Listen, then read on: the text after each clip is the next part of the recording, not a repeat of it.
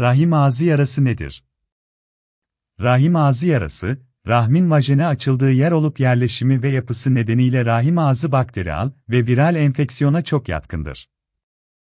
Vajinal akıntı, adet dışı kanama ve cinsel ilişki sonrası kanama şikayetlerine neden olan bir rahatsızlıktır. Sadece jinekolojik muayene ile teşhis edilebilen bu rahatsızlık genellikle basit bir takım medikal tedaviler ile düzelebildiği gibi bazen lazer, kriyoterapi ve elektrokoterizasyon gerektirmektedir.